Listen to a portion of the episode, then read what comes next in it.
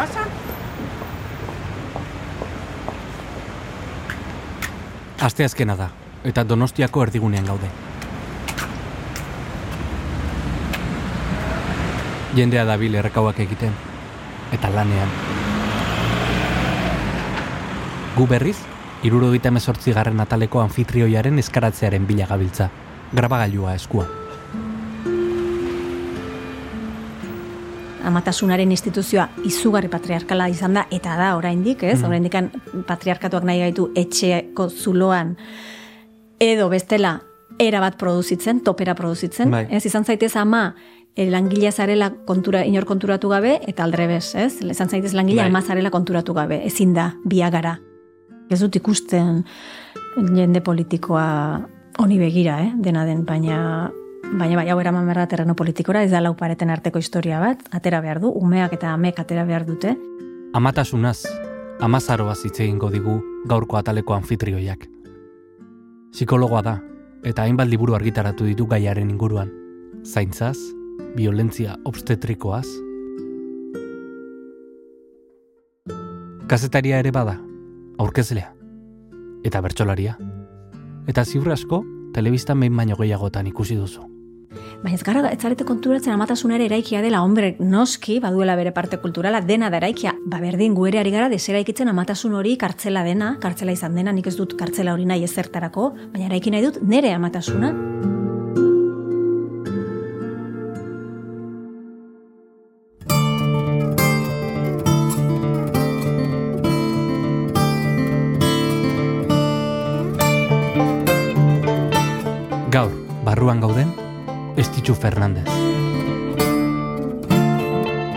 Batek kontatzen zian bezala, ebera erditzen pelota baten gainean, bere uzkurdurekin emagina sartu zen erditzekelara eta erran zion, bueno, bueno, utzi tontakeriak egiteari eta kendu kuleroak. Edo, edo atea zabalik e, egotea zu, zure genitalak agerian dituzun bitartean, edo erratea josten ari dizuten bitartean, episiotomia bat josten ari dizuten bitartean, emango diot puntutxo bat gehiago horrela zure senarrak goza dezan. Hori agitz tipikoa izan da.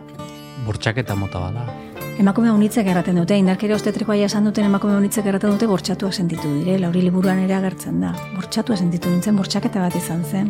Ez naute entzun, eh, ez naute ikusi,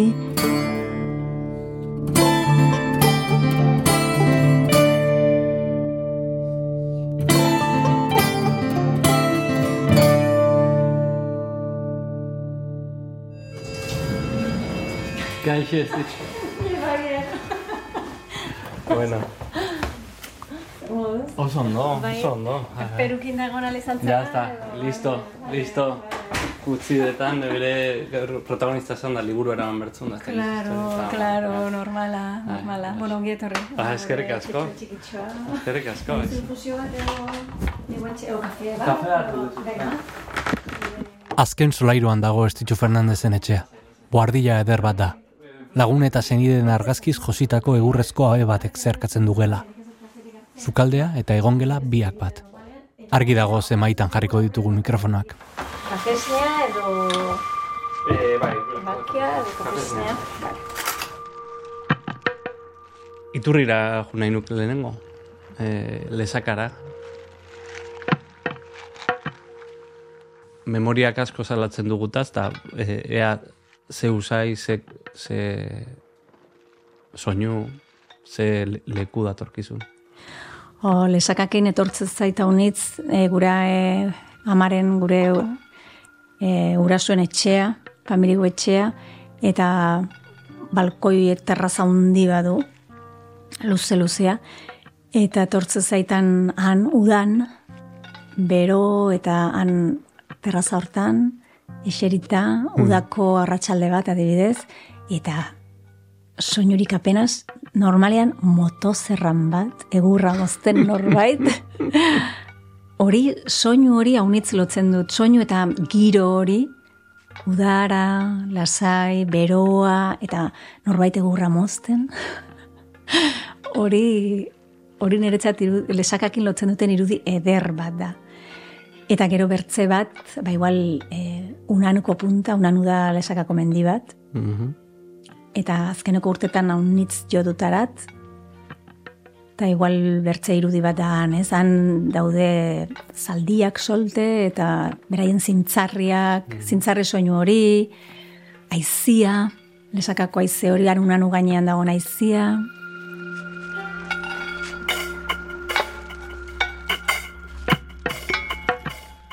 Ze, ze gauza, eh? Donosti, una etortzen, beti gratzen ator, ez? Eta zagata pila entzuten da.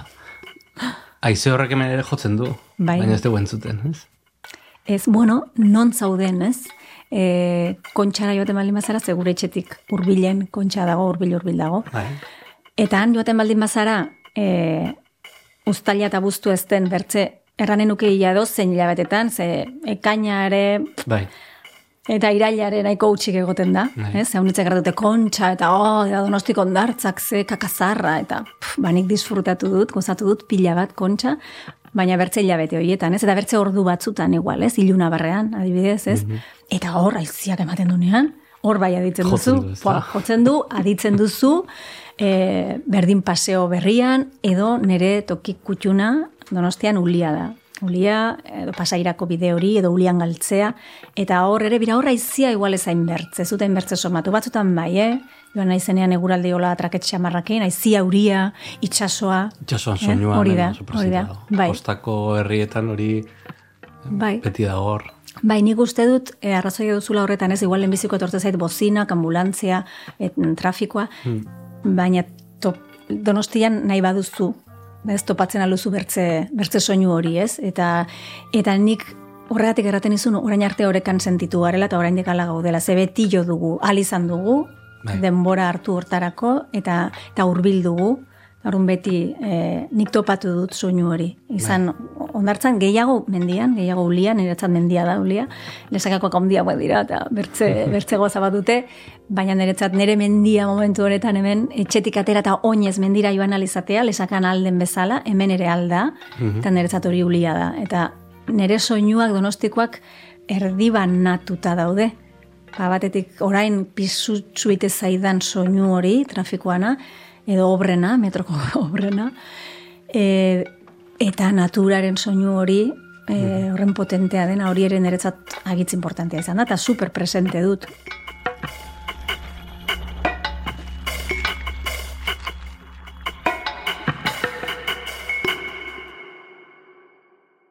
Gurasoak ere ipatu behar dira. Ama eta ita.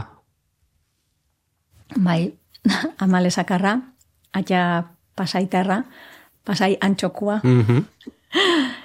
Irriten dut ze, ze hori ez. E, mm, ba, normalian, ez, e, ah, pasaitarra da, e, San Juangoa o San Pedrokoa, o, ez ez, antxokua. Ah!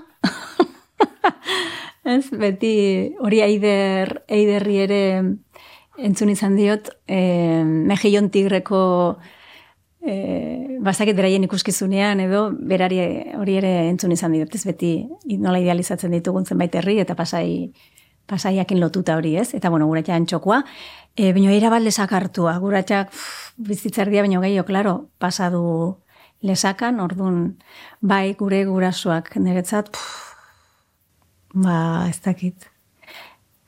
Agitz importanteak izan dira, e, bai eskaini diguten aurtzaruan eta zaintzan, eta zerranik ezan matasunean, nire matasunean, ez? E, bai, onkitu naiz.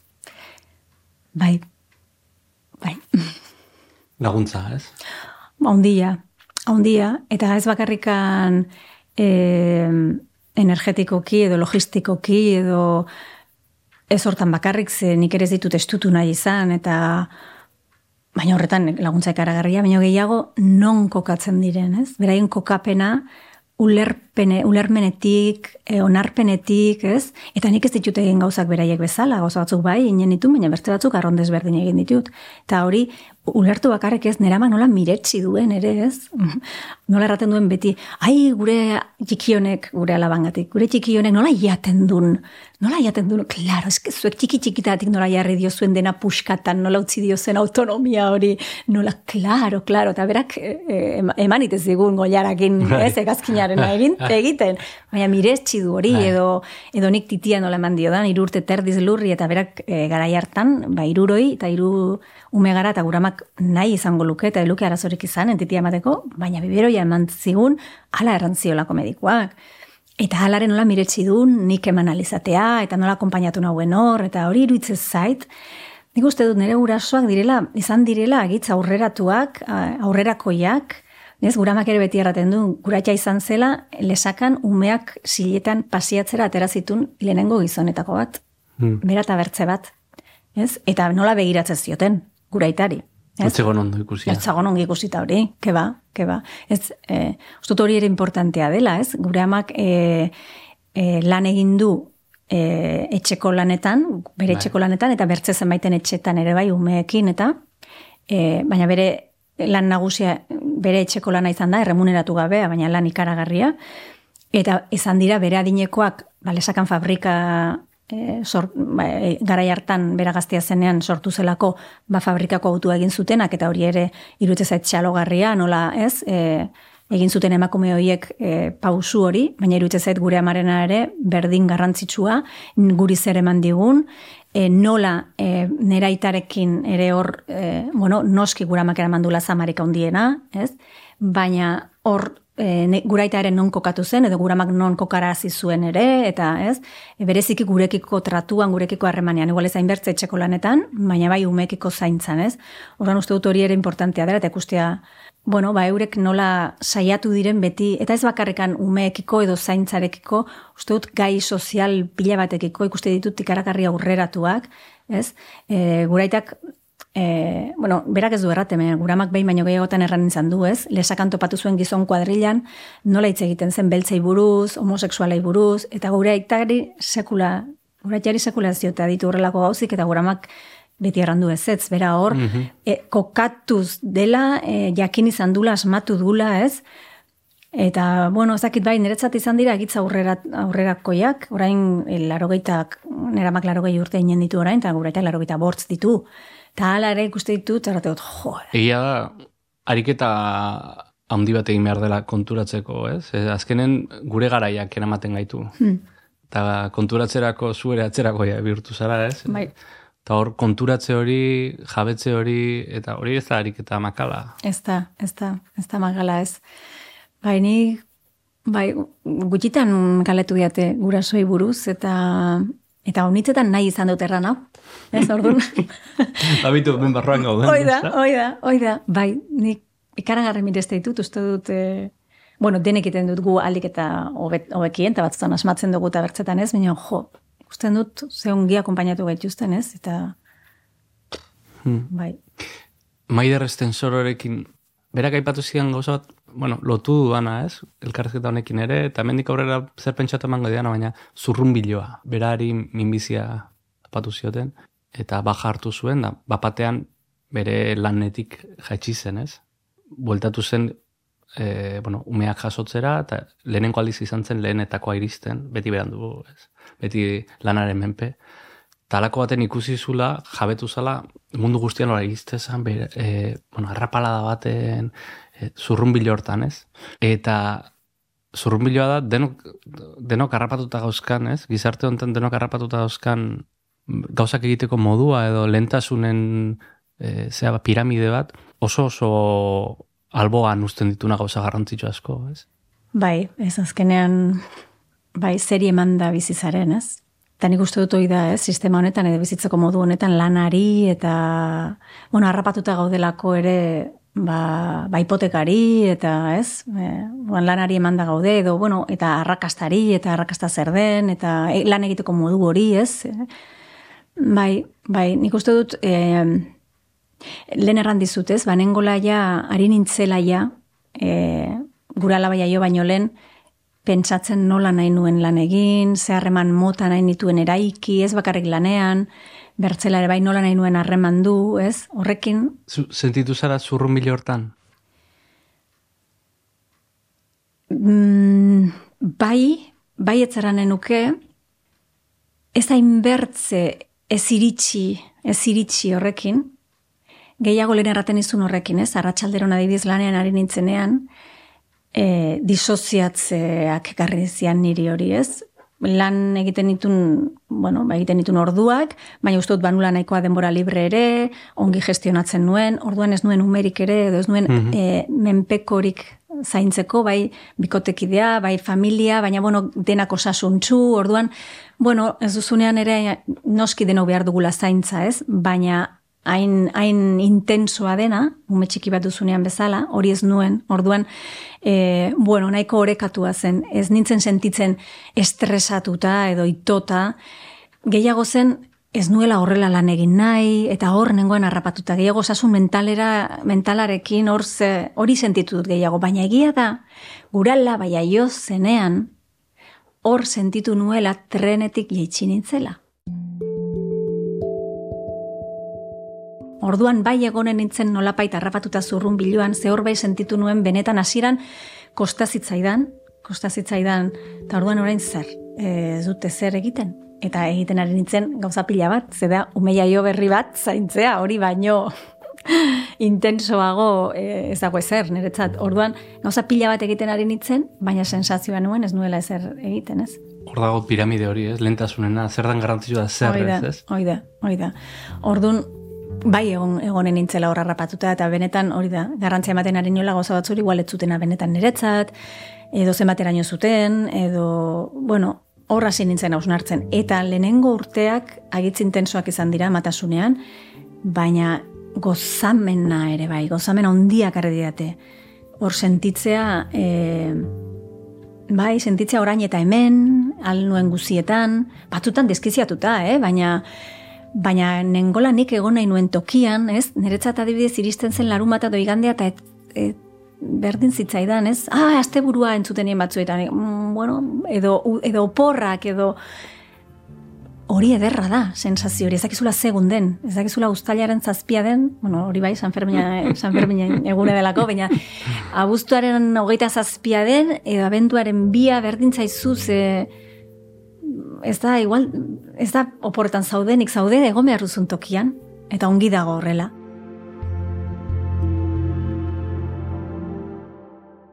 Zaintza emakumeari egon da osoki lotua, gure gizartean. Lanez ordaindua izan da askotan, lanez aitortua ere bai. Eta feminismoa abanguardia izan da, lan horren aitortzan, lan horren erremunerazioan, eta lan horren banaketan. Zaintza da lentasuna, eta bizitzak dira lehentasun nagusia eta horiek egon behar dute erdigunean, ez?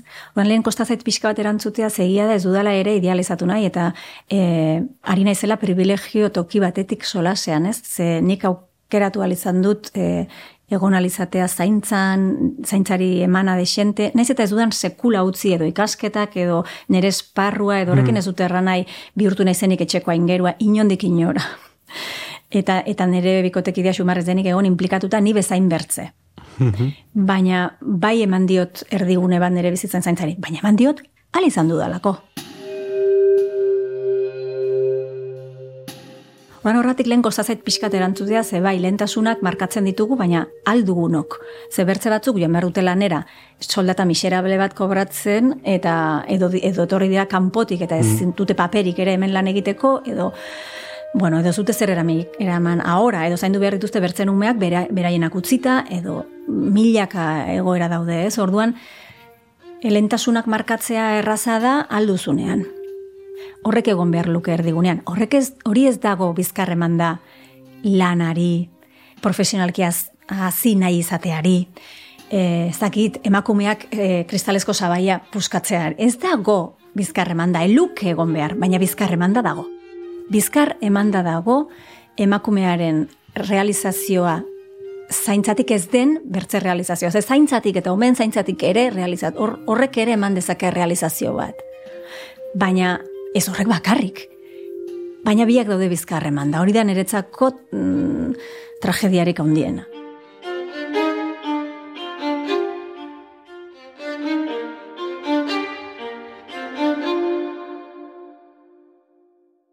Aurkezle izan zara urte askotan, ETBko arpegitako bat izan zara, dalan bat irudiari oso lotua, eta horrek suposatzen dut bere alde honak eta txarrak izango dituela. Hasieran ba, maitasuna edo maitasun modura iriste zitzaidan, edo ez, bai, eta aitortza modura, ba, ba bai, ba hartu dudan bideo hontan e, honek balio du edo norbait iristen zaio edo ari naiz, e, ikasten ari naiz, gero mm. hobeto iten dut, hemen gai naiz hau egiteko, hori ere bai ez, gai naiz zela, bai, hori uste dut eman zidala ez, hasiera batean, eta orain igual gehiago, naiz eta espaldi, bai, dudan ja igual amaika urte e, telebistan lanik egin gabe, orain, hala ere, hango jartzun horrek ere laguntzen dit, orain, erran nahi dudan hori, niretzat horren importantea dena, erraxago zabaltzen, uste dut. Mm Orduan bira, babadu alde on hori ez, niretzat orain e,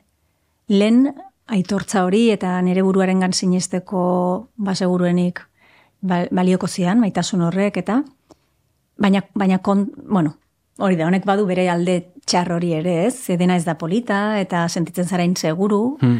eta nahi diozu denei gustatu eta hori ezinezkoa da eta kritikak ere badaude eta ETB bat, edo ETB kritikatzea ba, zilegi den bezala izan da ere bai. ariketa mm, mardul bat, eta guaritzen ginenean, baba iristen zitzaigun, ez? Orduan gainera, bueno, egiten dituzunean gauza batzuk, bezutera nahi berritzaileak, eta akaso bertzek kateetan egiten zirenan berdinak ziren, baina ITB baterako berriak mhm. eta ausartak, eta ba, bueno, ba, hortze egon kritika hondi bat, orduan gogoratzen dut ere, Eta ni izan naiz ustut berezik zaindua, eh?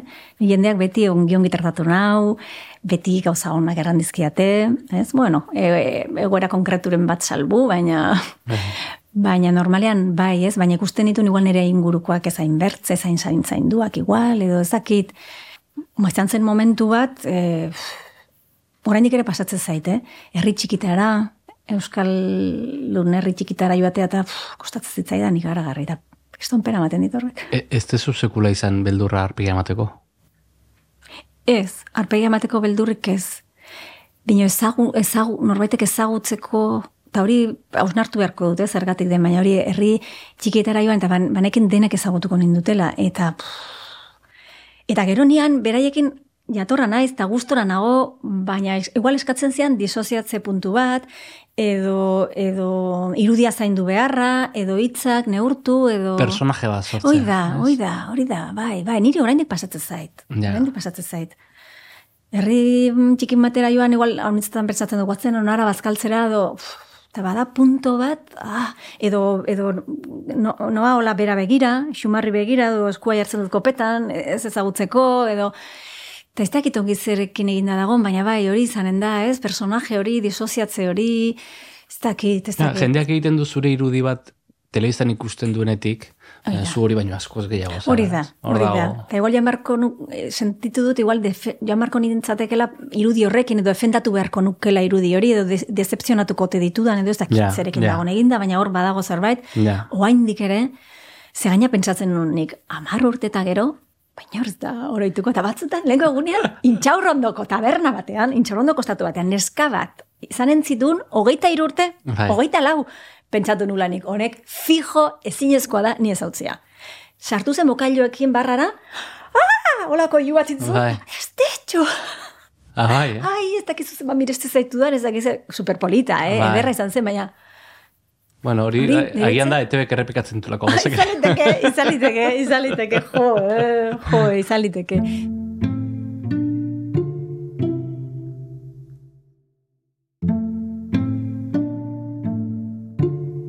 Bai, irudiarena, ez? Ta, ta ipatu nahi nizun, zare sozialak, ez?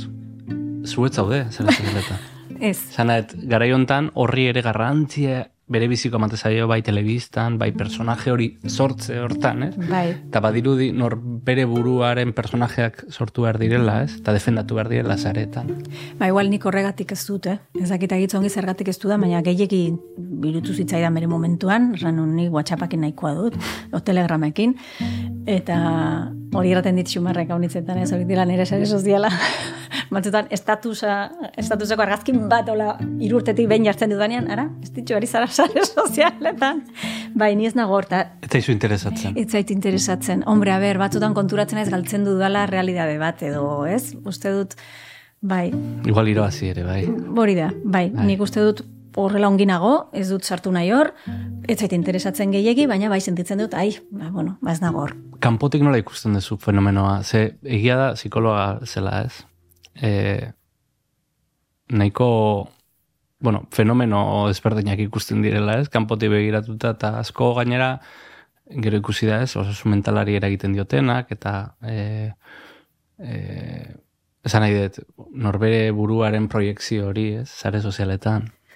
Bai, bai, ez dakit ez dut gehiagi, ez diot gehiagi, Buelta gehiagi man honi ez, oza, ikusten dut hori, erraten duzun hori, eta zanen da igual ez nago lako hor, ez? Mm -hmm. Hain urruti sentitzen dut, eta ez dakit, nik, eh, nozpait bialtzen diatenean Instagrameko zora sartzen ez, eta ezin dut, eta ez dakit, ez dakit ikust, ikustezu, naiz pixkat, e, nire lagun batzuk erraten diaten bezala, arazeli, pixkat arazeli naiz. Claro, ni has naitezke horren kontra sutxuki, atzo bertan gauian lurrek gura labak amar urten nienditu orain eta galetu zigun. Da orduan, noiz utziko dia zuen mugikora, eta nik eran nun, emezortzi urtetan da gure xumarreko, gaita lau. eta barrez hasi ginen denak, hor gaude, oza, nik ez diot, erabat kontra nago. E, e, erabateko teknologizazioen kontra nago. Er, uste dut, e, teknologiak ikaragarri laguntzen aldigula, baina gehiagizko erabilera da, kartzela, da bortxa, da... Ezik eta falta... Hoi da, nola erabiltzen dugun, orduan, eh, hori den erraten aldut. Ta era berean, ere gaina ikusteko, ba, seguruenik horre egonen den ontasuna edo mhm. erabilgarritasuna, baina, claro, desastre erabiltzen ditugu. Eta hau, eraman dezaket, osasun sistemara ere, eta teknologiak, nola, eh, hain garbi ikusten dudan ez osasun sisteman, osasun gintzan, ba, noski ikus dezakedala bertze esparrutan ere, ez? Era bat gizarte teknokratikoan bizi gara, teknologiak salbatuko gaitula uste dugu, dena emanen digula, ume bat ere bai, ez? Ezin dugunean ere teknologiari eskerrak emaningo digu, ez? Orduan, eta horren izenean ze indarkeria erabiltzen den, hain, hain dut garbi hori horrela dela, bagarbi posizionatzen naizela hor, baina, bueno, onurak ere baditu, noski bizitzak salbatzen ditu, zesaria mhm. batek, adibidez. 2000 eta hogeita bian, ama eme ume argiteratu zuen Erika Lagomarekin batera. Zaintzaz, amatasunaz. Eta 2000 eta hogeita iruan, sortze berri bat liburua kaleratu du Estitxu Fernandezek, violentzia obstetrikoaren inguruan. Ama batek ze indarkeria mota bizi ditu? Basteko ikusezintasunarena. Nik uste dut, e, personala politikoa da amekin ez dela existitzen. Era bat erabaki personal bezala ikusten da, zuk erabaki duzu, zuk jan beharko duzu hau patatekin, hmm. etxean, zuk bakarrik lau pareten artean. Uste dut horrazten dela. Hori da lehenengo indar. Hori da lehenengoa, bai. Bueno, azten da lehenago, ze ez da ikusten ere umeak galdu dituzten amak, ez da ikusten umeak ekarri zen dituzten amak, hor dagoen sufrimendua, orduan azten da lehenago. E, aurdunaldian ere, mm, ikuspegi teknokratiko horretatik, e, emakumearen gorputza bakarrik begiratzen da, umekia, ez, ez da ez da umeare, umekia da, e, sabel hori, ez da entzuten ama, ez dugu, ez dakigu bere mm, baldintza psikosozialak zein diren, nola dagoen emakume hori, mm, bakarrikan inporta zaigu produktua eta produktu hori e, kontzen duen kontenedorea, ez? Eh, oran hor niretzat horrazten da horrazten da, e, non ez bada lehenagotik, lehen errandu duan bezala, baina hor Ama, ama inkubatzaile bezala. niretzat hori da, hori da. A ber, ari naiz agitz muturrean bai, jartzen, bai. baina uste dut hori dela ikuspegia. Eta noski egiten dela zaintzeko asmoz. Nahi dugu zaindu ama hori, nahi dugu zaindu ume hori, datorrena eta orduan gaude, keilegi kontrolatzen, eta teknologiarekin. Eta ama horrek erraten badu, uste dut zerbait ez doala ongi, bueno, nik hartuko izut e, tentsioa, begiratuko ekografian, ez, hemen dena ongi dago, nik erraten du dalako, nork erraten du, makinak erraten du, eta makinak erraten badu, ingo izut analitika bat, eta makinak, ez, ni ongi nago, ez, baina makinak erraten du, diabetesa duzula, edo ez duzula, edo, eta noski zerbait baldin badago, zuk ez duzun antzeman, eta zaindu behar bada, zaindu behar da, baina batzutan gehiekizko zaintza bat dago, daude e, zaintzeko modu desberdinak daude ere, ba ezakit, bueno, ez naiz detailetan sartuko ez, baina e, kasu gehiago egite zaio makinari eta makinak dionari, emakumeari berari baino, ez? Eta emakume hori egon liteke harreman, abusuzko harreman batean, egon liteke prozesu psikologiko sanua bizitzen, eta dagoeneko badakigu aurdun dauden emakume bakoitzak bere modura, baina hain da eraldaketa undia garunean gertatzen dena, prozesu psikologiko bat ematen dela. Ez da bakarrik prozesu fisiko bat da, erabat psikologikoa garuna eraldatzen da nera bezaroan bezain bertze. Eta hau erran behar da, ze bertzenaz, eta Akaso ari da bere prozesu hori bizitzen, adibidez, bigarren trimestren ari da umea idealizatzen, fantasiatzen, hori da normalean, aurdun dauden ama gehienek guztiek egiten dutena. E, bakotxa bere modura. Baina hor, ematen ba, erakusten bali maiozu ekografia bat, orain beza, ezakite, ezakite, denoain bost de, edo lau de, edo oietako bat, edo, edo fal, positibo bat, zerbaitena, edo anomalia bat duela erakusten maiozu, erabat idealizazio horretatik jetxi egiten duzu, lurrera kartzen duzu, ama, ikusi behar da nola erraten diozun, e, nola laguntzen diozun asimilatzen notizi hori, baina era berean idealizatzen jarrai dezan lagundu behar diozu prozesu psikologiko hori egiten, eta ez da egiten. Bakarrik erakuste zaio edo argazki hori batzutan oso batzui garagarri gustatzen zaiena, baina bertze batzuentzat agresiboa izan litekena, edo edo e, anomalia hori, edo positibo hori, edo, edo kezka hori, ai, eske diabetesarekin, edo burua handia du, edo ez dakit zer, eta Ez dio zuzten egiten bera egiten ari zen prozesu hori. Ez delako ikusten egiten ari dela prozesu bat. Hori da nahi dudana. Ez da egon behar ere egoera e, estremo bat mm. ama laguntzeko. Ama guztiek behar dute laguntza ulertzen bada prozesu psikologiko batean daudela.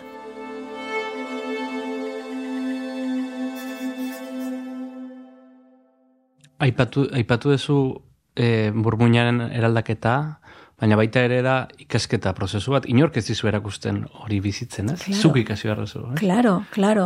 Doa batera, ez? Kultura eta biologia, baina biologia ere aipatu behar da, ez? Bai, bai. Nera bezaroan, bezala, ez? Nera bezaroa da, heldu bihurtzeko transizio bat. Gero joan, joanen zara ikasten. Baina hor dago, e, garai sensible bat hortarako.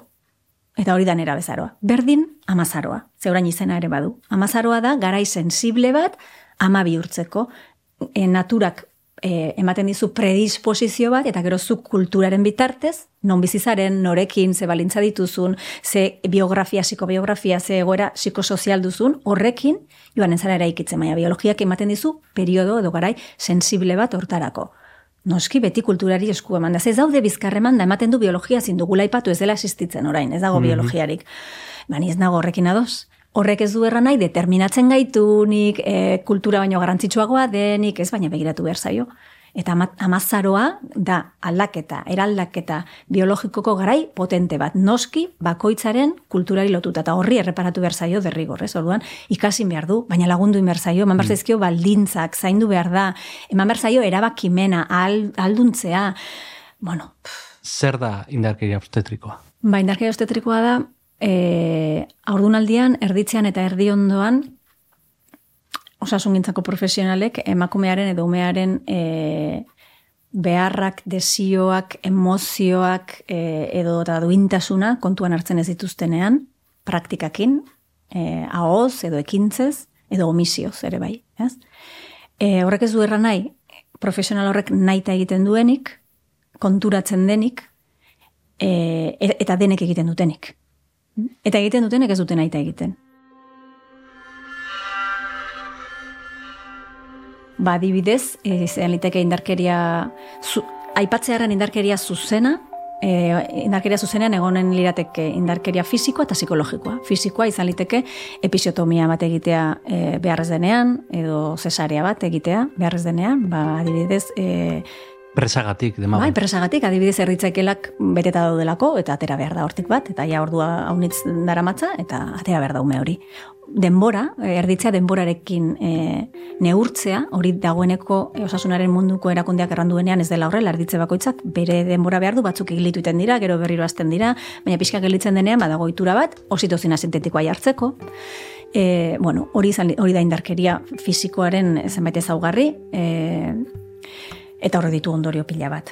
Baina, bueno, eta indarkeria psikologikoa izan liteke, noski, tratu txarra, da? Eta, eta lotuta dago, emakumearen autonomiarekin, era, erabakimenarekin eta informazioarekin. Hau da, adibidez episotomia bat egitea, errangabe egin behar dizutela. Ez, ez informatu, eta, eta batzutan egitea, baina jakin gabe zer den, edo jarri gabe e, aldeko eta kontrako ez informazio oso hori da gure e, printzipio bat erabaki informatua hartu alizatea hori da osasun sistemak bai, e, ematen digun eskubide bat behar digute informatu aldekoak eta kontrakoak eman eta guk erabaki behar dugu baina erditzetan askotan erabakitzen dute profesionalek zer egin behar den. Eta informaziorik ez da ematen, batzutan ez dizute erraten egin behar dizutenik eri, hori oraindik ere gertatzen da. Orduan dago indarkeria fisiko bat, indarkeria psikologiko bat, eta bueno, gero baita ere irainak, mehatxuak, infantilizatzea edo gurasokeria tratatzea.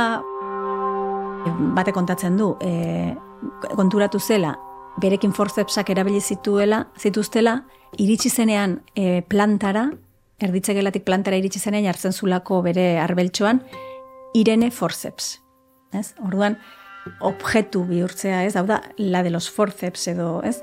Edo, edo esatea, ah, bai maitia, bai lasai, lasai, edo, ez? Itz goxo hiek, baina erran gabe, deitu gabe nere izenez, ez? Bali nintzen bezala, ba hori, e, ba, oso gurasokeria ondiz tratatzea. Hori dire, igual, xamurrenak, baina izan liteke, emakume bate kontatzen zian bezala, ebera erditzen pelota baten gainean, e, bere uzkurdurekin, emagina sartu zen erditzekelara, eta errantzion, bueno, bueno, utzi tontakeriak egiteari eta kendukuleroak hori da bertzea adibide bat, edo, edo, edo atea zabalik e, egotea zu, zure genitalak agerian dituzun bitartean, edo, edo erratea josten ari dizuten bitartean, episotomia bat josten ari dizuten bitartean, emango diot puntutxo bat gehiago horrela zure senarrak goza dezan, hori agitz tipikoa izan da.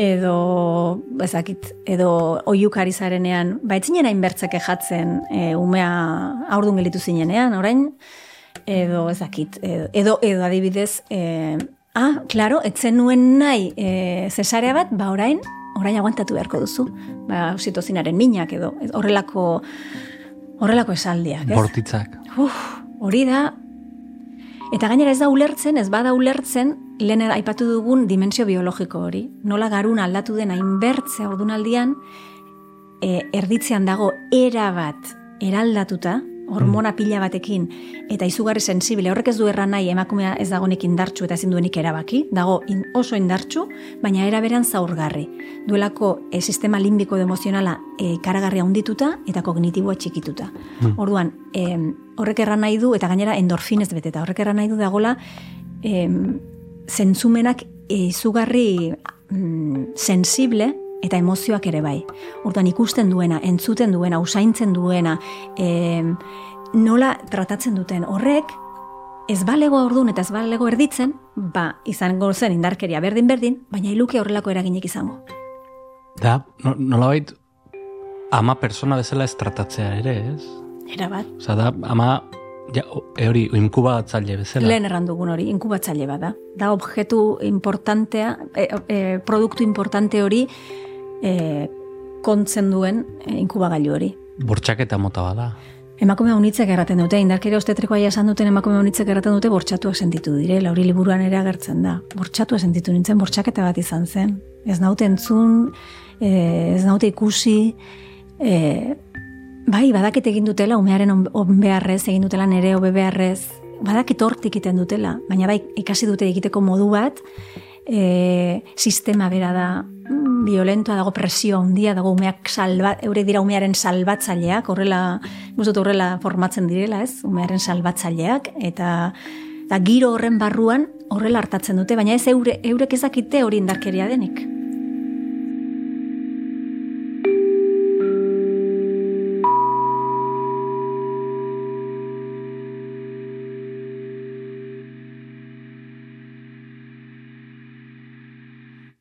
Ze ondorio dauzka honek? Buf.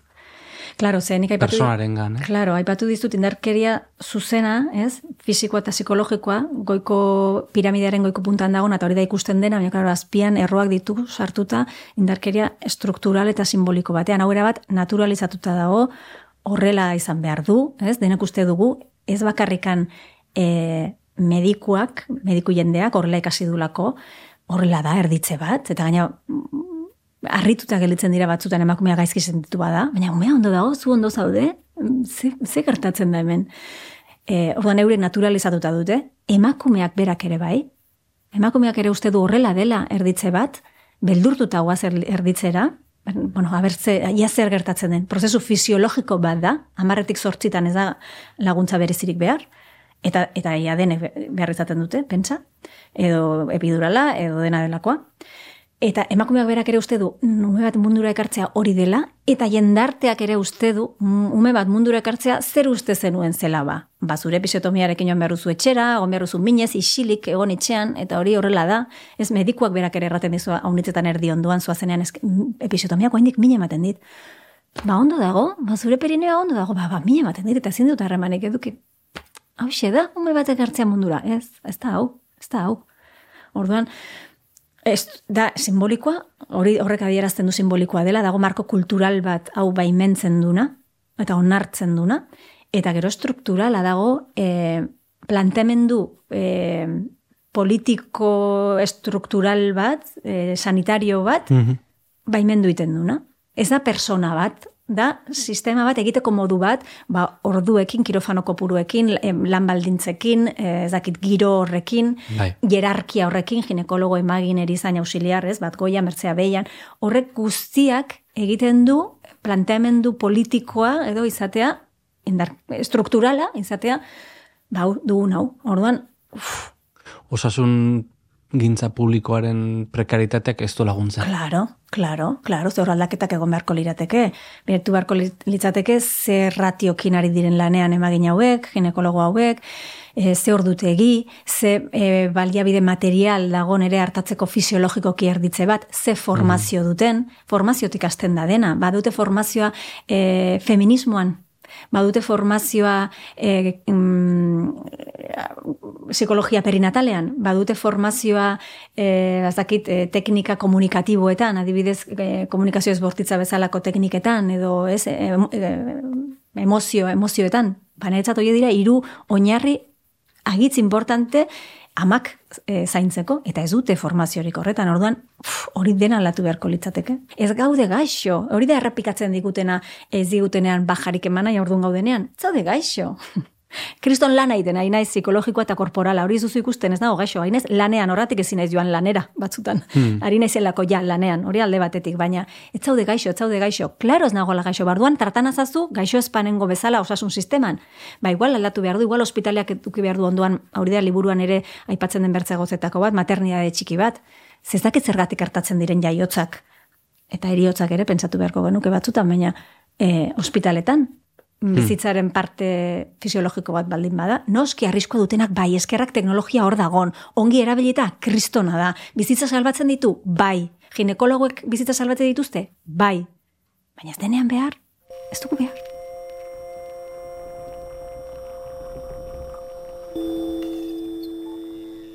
Zizan berri zon, bertxotan ze?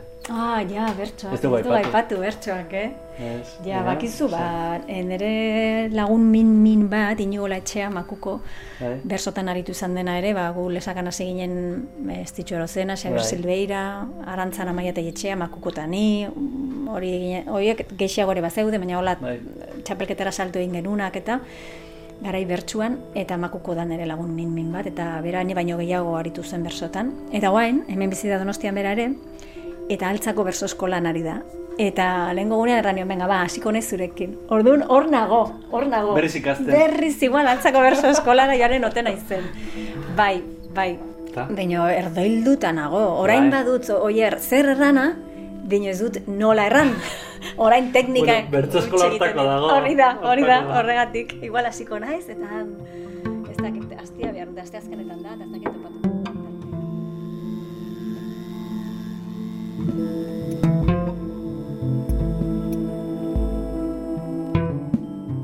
Aurrak, ere nahiko ikusezinak, eta eta eta danak zapata bere, barruan sartzen ditugu ere, ez? Bai, ni ezkuntza sistemarekin ere agitz kritiko naiz. Bai. Non digasi, non digasi. Bai, ba... Ai, bai, niretzat umeak dira, umen eskubideak, e, umen zaurgarritasuna, bai, erabat ikusezina da. E, gainera bizikaren zurru milionetan eta e, modu honetan molestatu iten dute. Ez, ez dira bateragarria, klaro, ez da bateragarria, umen zaintza, e, lehen erraten nuen, daude bizkarreman da, orduan umen zaintza. Eta umen ongizatea dago, erabat bizkarreman da bizikaren modu kapitalista eta erritmo honekin, ez orduan, dena, dena dago, e, dena da erabat arrotza beraientzako, E, herri txiki batean gutxiago, ez? Baina hiri honetan, ez? Hain ez lehiotik begira eta eske hau ez dago umentzat eginda, ez? Dago eginda lanerako, ez? Lanerako, lanerako. Produktu- Produkt- produktua- Produkziorako, Bai. bai, bai, bai. Orduan, pff, eta eta hor aparkatzen ditugu, aparkatzen ditugu jaio eta berehala aurreskoletan, eta eskerrak ditugun e, orokorrean aurreskola nahiko desenteak eta form, e, profesional nahiko formatuak eta ez, dagoena da balintza negargarria Mm. e, zero irun eta ez dago ere erabakitzeko aukera nahi duzun eraman edo ez. Ze Normalean e, lanera bueltatu behar dugu eta ba, amatasun baimena bukatzen da, bukatzen denean. Eta orain etatasun baimen hori dugu hor eta bueno, e, naiz sartuko baina umeak utzi behar ditugu agiz txiki tokatzen ez denean, eta hori ere erranen behar da. Gero, utzi beharko ditugu, ados, baina ez ezagun erran uzten ditugula beraien hobe beharrez eta horrela sozializatzeko eta sei hilabeterekin hori mm, barbaridade bat iruditzen zait. Orduan umeak ez du hori behar. Orduan hor, ume hori ez da ikusten zedoa bertze esku batzutara eta eskerrak lehen errandu da bezala, profesional onak ditugu, baina hala ere mirariak ere ezin dira egin, ratio batzukin eta ume txikiekin. Orduan hor, ja hor hasten da. Niretzat aparte, gordeta, umerik ez da ikusten ume txikirik kalean daude, gordeta kartzeletan, niretzako. Bueno, bada pausu bat terreno politikora eramateago, ez? Hori da lehenengo pausua, ez? Esan nahi dut, e, irakurketa politiko bat egitea guzti honena. Hori da, hori da, eta hortik etorri behar dute aldaketek ez dut ikusten jende politikoa honi begira, eh? dena den, baina baina bai hau eraman behar da terreno politikora, ez da lau pareten arteko historia bat, atera behar du, umeak eta amek atera behar dute, kalera eta egonen da ari denik, e, pentsatzen ari denik, mono jazta, ez? Zema, eta emei buruz eta umei buruz, niretzat gutxi, Niretzat gutxi. Bertze gai interesante pila bat daude, eta hoiei bai, hoiei egon gaitezke bueltaka, kari bueltaka, eta hau ez, hau da, nahi dugu berriro, benga, etxera, etxera. Amak eta umeak dira pixkat gai, Ku, bitu, kuriosoa da, e, hogeita margarren amarkadan oraindik emakumeek ez- ezin zuten bozkatu. Hori aztu iten zaigu. At, atzo. atzo, Eta kuriosoa da, e, garai hartan ere, mm, bozka eskubideen inguruan egon zen eztabaidak eta zeak, eh, ezkerretik hasita. Da, paradogikoa da, baina be- hori adibidez, bozka eskubideana, e, Espainiako kongresuan ezkerrak ez ezkoa. eman zuen, claro, claro.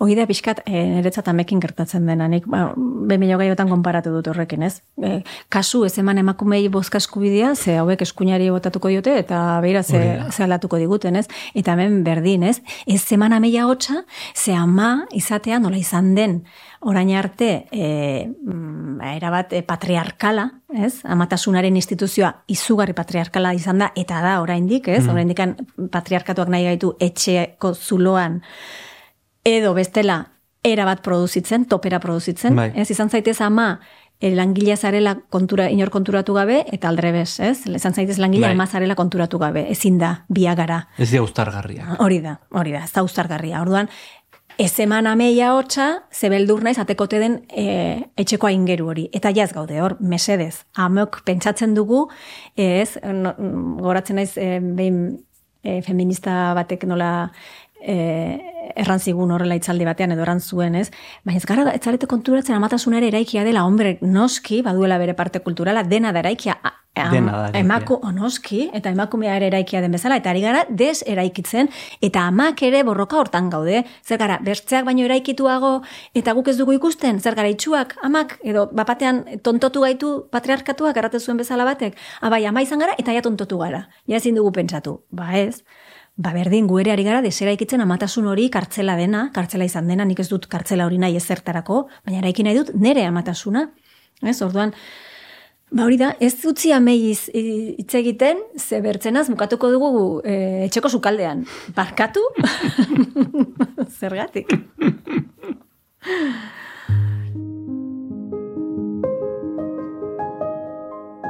Azken puntura gerturatzen ari gara. Azkenengo apaldira.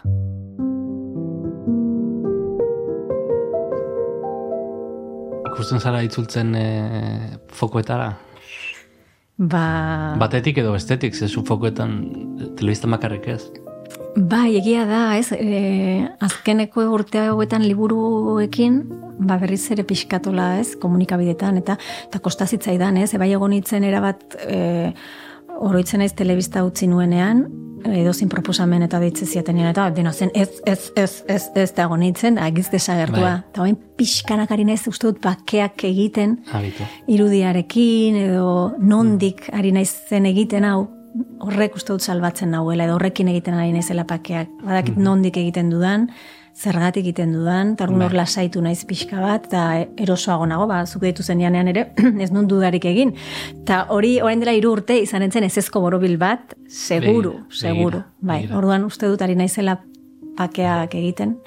Eta, eta bai, orduan, bueltatzea, e, hola, gauzak kontatzea, uste dut, Nik uste nuen listo, liburu honekin jaz nuela gehiago kontaktuko, baina joaten ez tarteka terapeuta baten gana, eta arek eh, erratezian, ai, ez dizut sinisten.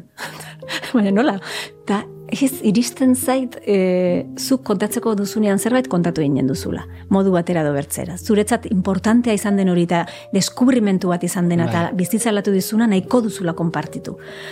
Orain arte horrela funtzionatu dut, impulsoak horri izan dira, hau nahi dut kontatu, hau nahi dut jendeak jakitea.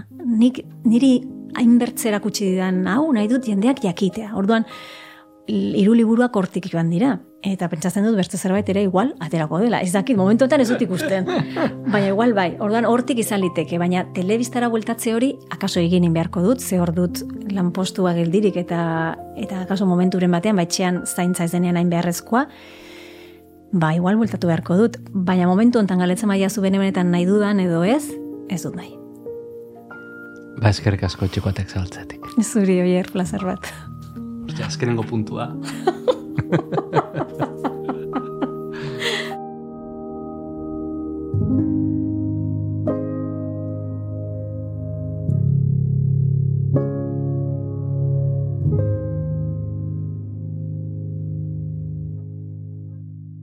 Eskerrik asko entzule beste aldean eotegatik. Itxi dugu irurogita mezortzi garren etxeko atea, eta gogoratu nahi dizut, beste irurogita mazazpi ere entzungo dituzula. Beti bezala, eskertuko dizut, lagun artean eta zeniden artean banatzen balin baduzu, barruan gaude zabaltzen laguntzen badiguzu. Besterik ez, bezarkada bat, eta hurrengo etxer arte. Ei, txt, entzun hori. Ulu media.